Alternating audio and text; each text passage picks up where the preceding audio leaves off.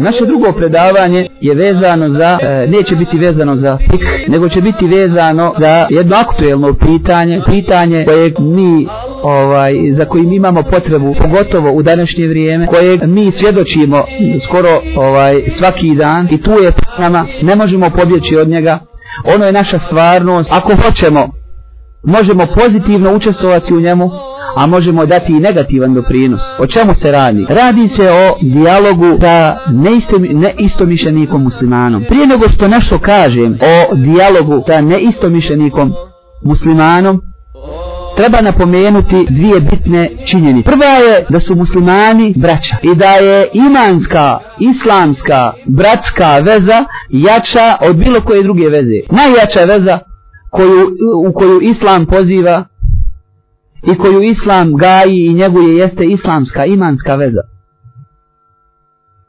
Jeste rodbinska veza je jaka i ona ima svoja prava i obaveze, ali se ne može porediti sa sa imanskom vezom. Poslanik sallallahu alejhi ve sellem je uporedio muslimane vjernike uporedio je sa jednim tijelom. U kojem ako jedan dio tijela boluje, ako se želi na nesanicu i na groznicu i ostali dijelovi osjećaju to isto. Šta to praktično znači? Šta znači praktično za nas, muslimane, ili za muslimane uopćeno, šta znači ta bratska veza? Šta ona znači u praksi? U praksi znači ono što smo mogli naći kod ashaba radijallahu anhum. Žrtva koju su bili spremni podnijeti jedni za druge, praštanje koje smo mogli naći kod njih u, u određenim situacijama. Za nas bratstvo islamsko znači ono što smo vidjeli u generaciji poslije ashaba radijallahu anhum jer su oni najbolja generacija, ali se može kazati da se e, praktična manifestacija bratstva dogodila i u generacijama poslije ashaba, tabiinima, tabi tabiinima. Tabi pa da se zadržala i do današnjih dana, ali kako je prolazilo vrijeme od ashaba radijallahu ta praktična manifestacija bila je sve slabija i nepoznatija. Teško je je bilo primijetiti. Da ne govorimo o današnjem vremenu. Danas se teoretski puno o tome govori. O bratstvu, o jedinstvu, o, o, o, e, o potrebi tog jedinstva, e, šta sve znači, ali u praksi rijetko može da se sretne, da se, da, da, da se nađe to islamsko bratstvo. Svi o njemu govore, punim ustima, pozivaju u njega, ali u praksi nalazimo a, e, često kršenje principa islamskog bratstva. Islamsko bratstvo ne znači nerazilaženje. Ne znači različit, e, e, nedozvoljavanje različitog stava po određenom pitanju. Islamsko bratstvo može biti u suglasnosti i sa razilaženjem i sa izražavanjem različitog mišljenja prema određenom pitanju. Čak i vođenju dijaloga i iznošenju suprotnih stavova nema kontradiktornosti između principa islamskog bratstva i ovoga drugog. Islamsko bratstvo ne dolazi u pitanje samom, samim zauzimanjem različitog ili drugog mišljenja. Ne bi trebalo da dođe. Muslimani se mogu razilaziti, različito gledati na određena pitanja, imati različite stavove, pa čak voditi i rasprave, ali imaju određeni principi koji se u svemu tome ne smiju prekršiti i ako se prekrše to je suprotno principima islamskog bratstva i narušava se islamsko bratstvo time. Prije svega, bez obzira kolika različitost u stavu koje je u okviru onog legitimnog i priznatog i u okviru ovaj mišljenja autentične islamske uleme, bez obzira kolika, kolika, kolike razlike postojale, u pogledu na određena pitanja, ne smije se dogoditi da musliman prema muslimanu bude nepreveden. Da mu pripriješe ono što nije kazao. Da doda na njegov govor. Da ga pogrešno protumači. Da mu ne da priliku da on kaže svoje mišljenje. Da sudi po kontekstu da sudi, da ima on svoj nekakav zaključak i razumijevanje i na osnovu toga optuži čovjeka za određeno mišljenje koje go uopće ne zastupa, jer je on tako razumio. Dakle, pravednost nalaže da se posluša njegovo mišljenje, da nam on sam protumači šta time podrazumijeva, da mu se da prilika da ga izrazi i da se ništa njegovom govoru ne doda primjer te pravednosti nalazimo u generacijama učenjaka prije nas. Iako su sa nekim islamskim grupacijama imali ovaj žestoko, žestoko se nisu slagali s njima oko određenih pitanja, bili su pravedni u prenošenju njihovih stavova. Nisu im pripisivali ono što nisu kazali. Jer ta zaslijepljenost ili e, privrženost vlastitom mišljenju često čovjeka dovede u takvu situaciju da dio istine o svom neistomišljeniku prekrije da protumači njegov govor da iz njegovog govora nešto shvati a on to nije mislio da mu pripiše nešto što je on shvatio a on to nikako ne zastupa kao što je primjer Ibnu Tejnije koje, na čije predavanje su dolazili njegovi da kažemo uvjetno rečeno njegovi protivnici i slušali njegovo izlaganje o njihovim stavovima i više su mu vjerovali nego sami sebi. Jer je dobro poznavao njihove stavove, stavove njihovih učenjaka i znao ih je izložiti i obrazložiti i iznijeti njihove dokaze i bili su prisutni do onog trenutka kada je iznosio njihove mišljenje, njihove dokaze. Na, nakon što je nastupilo vrijeme da odgovori, odgovori na njihov stav, oni su napuštali njegova predavanja. Ali su imali povjerenja u njega sa ove strane. Imali su povjerenja u dosljednost u prenošenju stavova i mišljenja. Pravednost dakle od nas traži da bez obzira koliko se mi ne slagali sa nekim, sa nečijim mišljenjem, moramo biti pravedni prema njemu. Allah Želešanu je naredio pravednost i prema nemuslimanima i prema onima koji su na manjem stepenu od onih sa kojima se mi raspravljamo ili vodimo dijalog. Kaže Allah Đelešanu, وَلَا يَجْرِ مَنَّكُمْ شَنَعَانُ قَوْمٍ عَلَا أَلَّا تَعْدِلُ اِعْدِلُ هُوَ أَقْرَبُ لِتَّقْوَ Nemojte da vas prezir i mržnja koju vi prema nekom narodu osjećate navedje da budete nepravedni. Budite pravedni, pravedno se držite jer je to bliže bogovojaznosti. Nažalost, danas nema pravednosti u odnosu prema neistom mišljeniku. Ili se njegov govor isjeca, ili mu se stavlja u usta ono što je nije rekao, ili se protumači njegov govor, ili mu se uopće ne da prilika da on kaže svoje mišljenje. Njegovo mišljenje može biti pogrešno, može biti neispravno, ali hajde da ga čujemo, da vidimo kakav je njegov stav. I poslije toga da ukažemo na neispravnost njegovog stava i neslaganje s njegovim stavom. Ali pravednost nalaže da on izloži svoj stav, da ga kaže, da svi čuju da je to njegov stav, da ga on obrazloži, da ga on protumači i da nam ukaže na ono šta je on mislio svojim govorom. A ne da pokupimo dio govora odavde, odande i sklopimo sebi određeno mišljenje, kao što se događa s početka knjige se uzme nešto ili s početka teksta i sredine teksta ili s početka govora, sredine govora i onda se stvori slika, pogrešna slika i o tom čovjeku i o njegovom mišljenju. Mora se do kraja saslušati njegov govor i onda ako imamo protuargumente iznijeti ih i ovaj sačuvati na taj način ovaj princip, princip pravednosti, bez obzira ko bio na suprotnoj strani, u stvari ko bio taj neistomišljenik s kojim se mi raspravljamo i s kojim vodimo dijalog. Mhm. Drugi princip koji mora biti u raspravi i dijalogu sa neistomišljenikom jeste traženje opravdanja. Pronalazak opravdanja za takav njegov stav. Da nije namjerno uradio nešto što je po našem viđenju pogrešno. Da možda je to naslijedio ili je naučio na određenom mjestu gdje nije mogao nešto drugo naučiti. Da je utjecaj ili sredine ili učenjaka od kojih je uzimao ili knjiga iz kojih je čitao da su utjecali na takav njegov stav. Iako je on pogrešan, mi, e, znači mi time nećemo tražiti opravdanje za njegovu grešku, greška je greška, ali tražimo opravdanje njemu samom, je li on imao namjeru da uradi tu grešku i da kaže nešto što je pogrešno. Nažalost, i tu vidimo žestoka odstupanja od ovog tipa. Čovjek prvo što, nakon što se čuje njegovo mišljenje, odmah se obtužuje za namjeru.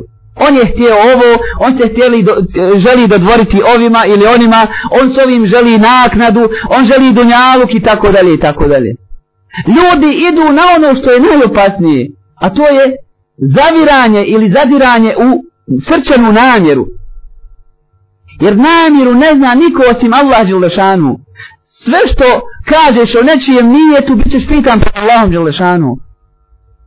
Poslanik Muhammed sallallahu alaihi sallam svoje ashabe koji su bili bolji od nas i s kojima se mi ne možemo porediti je učio ovome principu. Nije im dozvoljavao da kopaju po ljudskim srcima. Šta više, znalo se desiti da čovjek izgovori kelime šehadet u bitci. A sahabi su to neki shvatali kao zaštitu od ubijstva. Da su to ljudi radili jednostavno iz koristo ljublja. Kako bi bili spašeni, kako, im, kako ne bi bili ubijeni.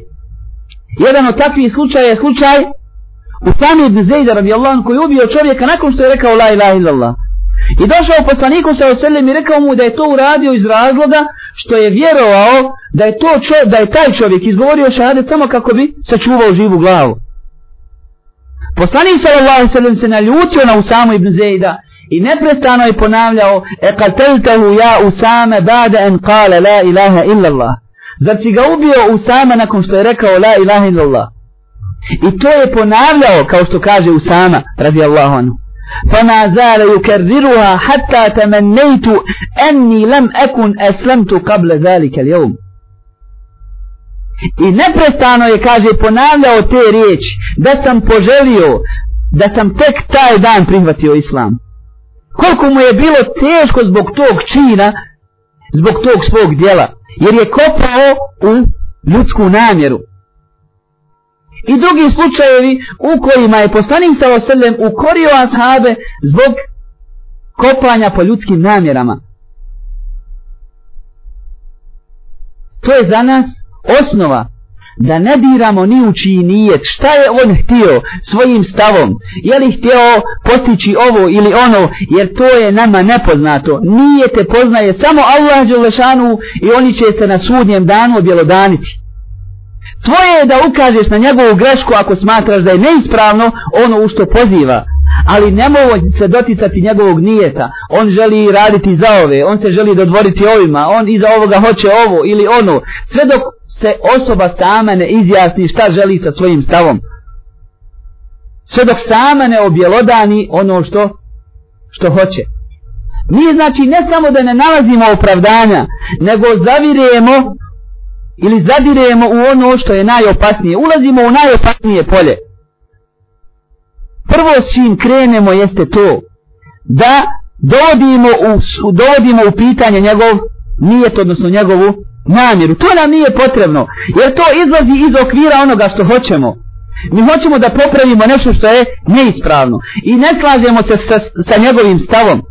Dovoljno je da ukažemo na neispravnost, navedemo dokaze iz Kur'ana i sunnata i njegovo pitanje, i njegovo, njegovo stanje, i njegovo srce ostavimo Allahu Đelešanu. Ne znamo šta hoće, jer, dakle, niti ćemo postići ono što želimo, a upast ćemo u grijeh. Jer pitanja nijeta, odnosno ispitivanje nijeta, e, sumnja i, i ovaj kopanje po ljudskim namjerama je grijeh i čovjek može lako upasti u grijeh jer čovjek jer osoba koju prigovara može biti potpuno iskrena u svojoj namjeri ali da je pogriješila u svom stavu i da zastupa neispravno mišljenje a njegov mir bude sasvim ispravan. Zato su učenjaci kazali da je za ispravnost djela potrebno dvoje. Da bude da postoji iskrenost i da bude u skladu sa sunnetom Allahog poslanika sa selem.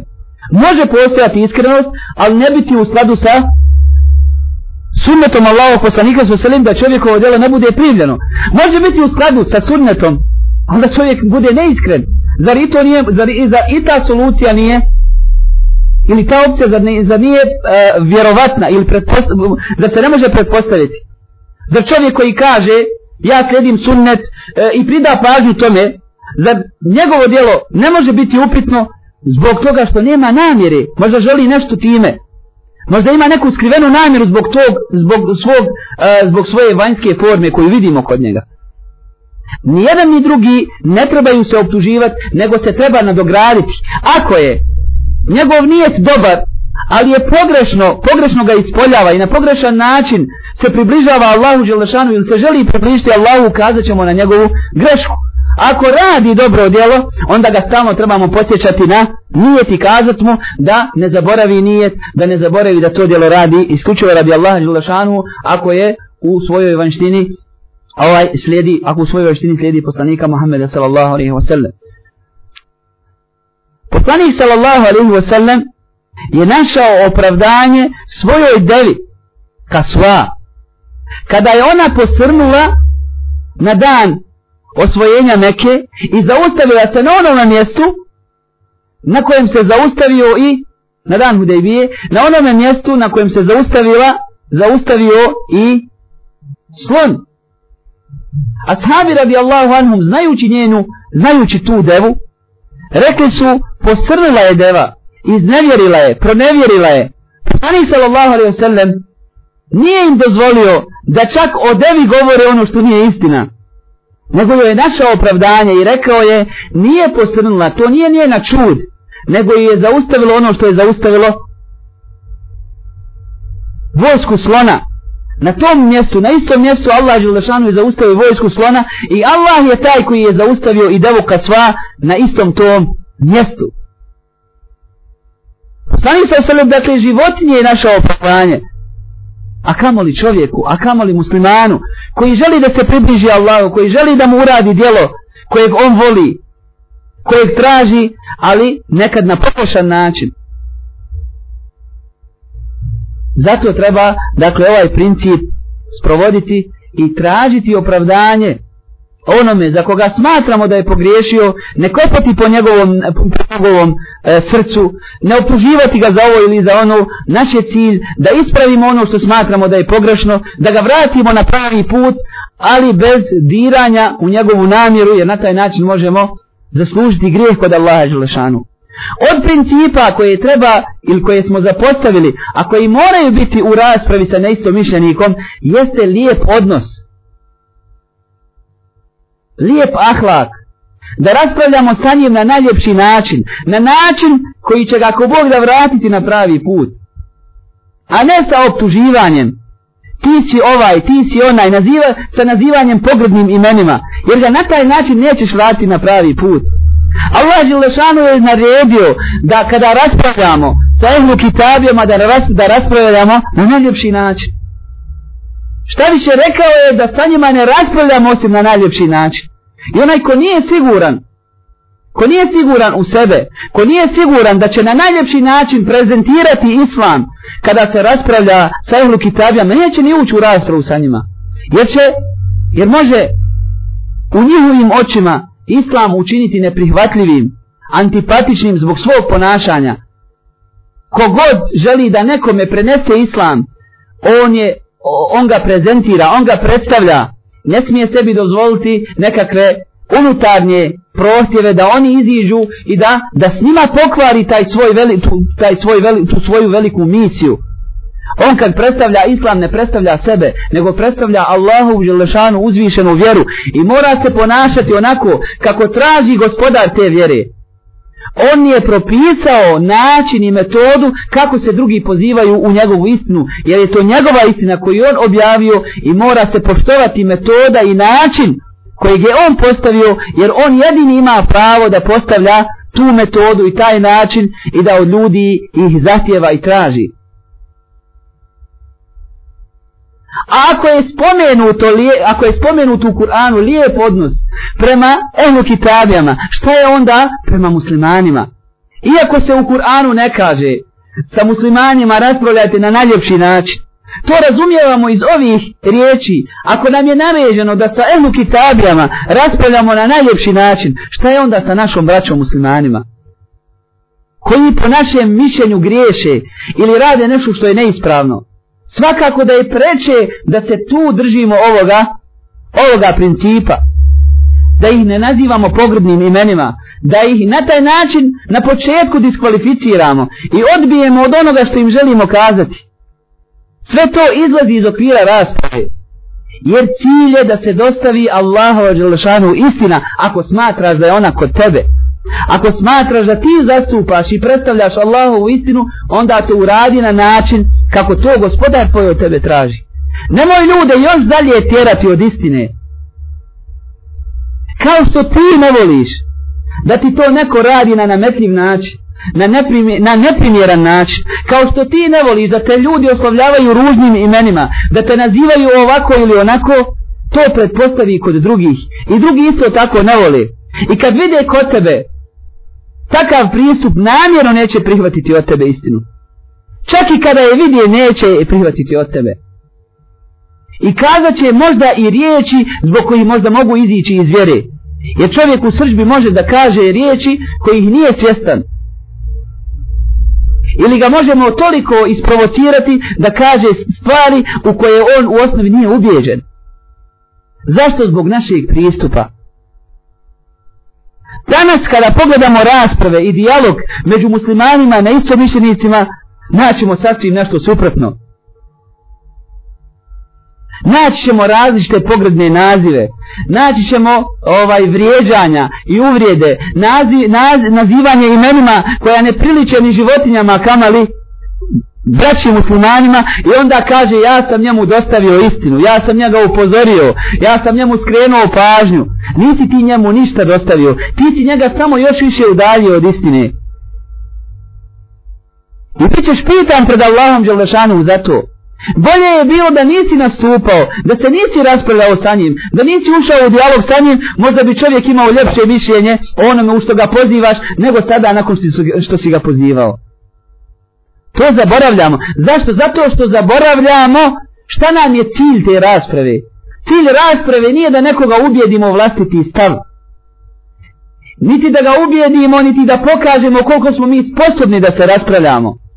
Koliko smo mi jači od njega u raspravi. Da, da dokažemo svoj stav ili da ga opravdamo. Cilj rasprave jeste da se Allahova istina dostavi ljudima. I ako je to čovjeku cilj, on će onda koristiti i metode i sredstva koja su propisana. A ako želi da istakne sebe, ako želi da dokaže da je on superiorniji od njegovog brata, ako želi da dokaže da je samo on na istini, onda će se dogoditi, onda će se to pokazati u njegovoj raspravi. Bilo u vrijeđanju, bilo u metodi koju koristi bilo u podcjenjivanju njegovog brata ili na neke druge načine kroz koje vidimo da nije cilj da se pomogne istina nego da se ukaže na svoje mišljenje, na svoj stav i Allah Đelešanu bez obzira o kome se radilo tu stranu neće proći. Allah Đelešanu takav način i takvu metodu neće pomoći. Ako se želi dostaviti Allahova istina, onda se treba držati pravila i principa koja je, koje je Allah Želešanu postavio. Četvrta stvar, koja je također jako bitna u raspravi sa neistomišljenikom, jeste da se gleda istina i da se ne gleda od koga ona dolazi. Ako dolazi od onoga koji je iz moje skupine ili moje ili pripada mojoj grupi, onda to mora biti istina. A ako dolazi od nekog drugog, to je u svakom slučaju zabluda, jesu oni poznati po tome, oni su poznati po zabludi i istinu mjerimo po grupaciji. Istina je istina bez ikoga. I ona je jasna i ona je očita. Allah je Želešanu je istinu učinio istinom bez, bez nekoga za koga se ona veže. Kogod kaže istinu, ona se od njega prihvata. Pa makar to bilo i malo djete. Makar to bio onaj koji je na manjem stepenu od tebe u znanju ili neko koji je na većem stepenu. Ako ti je donio istinu i ukazao ti, prihvati od njega. Poslanik sallallahu alaihi wa sallam je prihvatio istinu i od iblisa. I rekao je, rekao je istinu, ali je lažac. Kada je Ebu Hureyre radijallahu anhu podučio ajet kursi koji, eh, eh, koji ga štiti od, od kad legne pa do, do sabaha prihvatio to kao istinu i rekao Ebu Hureyri, on ti je kazao nešto što je istinito, ali je i pored toga lažac, iako je on lažac, iako puno laže. Buharija, imam Buharija je kazao, koji je bio, dakle, čija zbirka hadisa je ovaj paradigma vjerodostojnosti i pritvrđenosti i potvrđenosti onoga što je u njoj zabilježeno. Je rekao da čo, učenjak neće biti učenjak i neće biti ovaj na, na, na velikom stepenu, stepenu znanja sve dok ne bude prihvatao i od učenjaka koji su na većem stepenu od njega i od onih koji su na njegovom stepenu i od onih koji su na manjem stepenu od njega. A Ebu Hureyre radijallahu anhu kaže da se poslanik sa oseljem najviše savjetovao sa svojim ashabima. Niko se više nije savjetovao sa ljudima od poslanika Muhammeda sallallahu alaihi wasallam. Iako mu je dolazila objava, iako je bio, dakle, njegovo mišljenje je bilo najispravnije i najdalje od pogreške. I pored toga pokazao je ashabima radijallahu anhum kako se treba ponašati prema drugom mišljenju, prema savjetu, prema preporuci ili kritici. Nažalost događa se da e, da se istina danas određuje ili precizira po grupi od koje dolazi. Ako dolazi iz te grupe, prihvaća se, ako dolazi od nekog drugog, ne može to biti istina, mora će na ovaj ili onaj način, ili se mora ući u njihovu namjeru i tako dalje, i na kraju se odbacuje i prihvata se samo ono što dolazi od pod navodne znake mojih. Jako je bitno da se u raspravi sa neistomišljenikom oslobodimo e, partijaštva ili grupacijskih nekakvih interesa i da pristupamo E, neistomišljeniku kao našem bratu koji ima pravo kazati istinu kao i mi. Imam šafija, Allah mu se smilovao je znao kazati, svejedno mi je Allah dao istinu u mome govoru ili u govoru moga suparnika ili onoga koji se raspravlja sa mnom. Bilo ko od nas da kaže istinu, slijedimo je. Je li to kazao ovaj ili onaj nije bitno događa se dakle da se i ovaj princip krši s time bi završili ovo naše predavanje moleći Allaha Đelšanu da nas popravi da nas učini od onih koji e, žude za njegovom nagradom i njegovim ovaj i viđenjem njegovog e, časnog i uzvišenog lica na sudnjem danu moleći ga također da nam oprosti sve naše propuste koje znamo i koje ne znamo da nas uputi na ahlak njegovog poslanika Muhammeda sallallahu alaihi wa sallam i da nam e, pomogne da u praksi provodimo ono što učimo i što saznajemo saznajemo na predavanjima da nas ne učini od onih e, čije će znanje biti op, dokaz protiv njih na sudnjem danu أقول قولي هذا واستغفر الله لي ولكم فاستغفروه ركو هو من الله تراجي أبرز زواتي لسبه أتراجي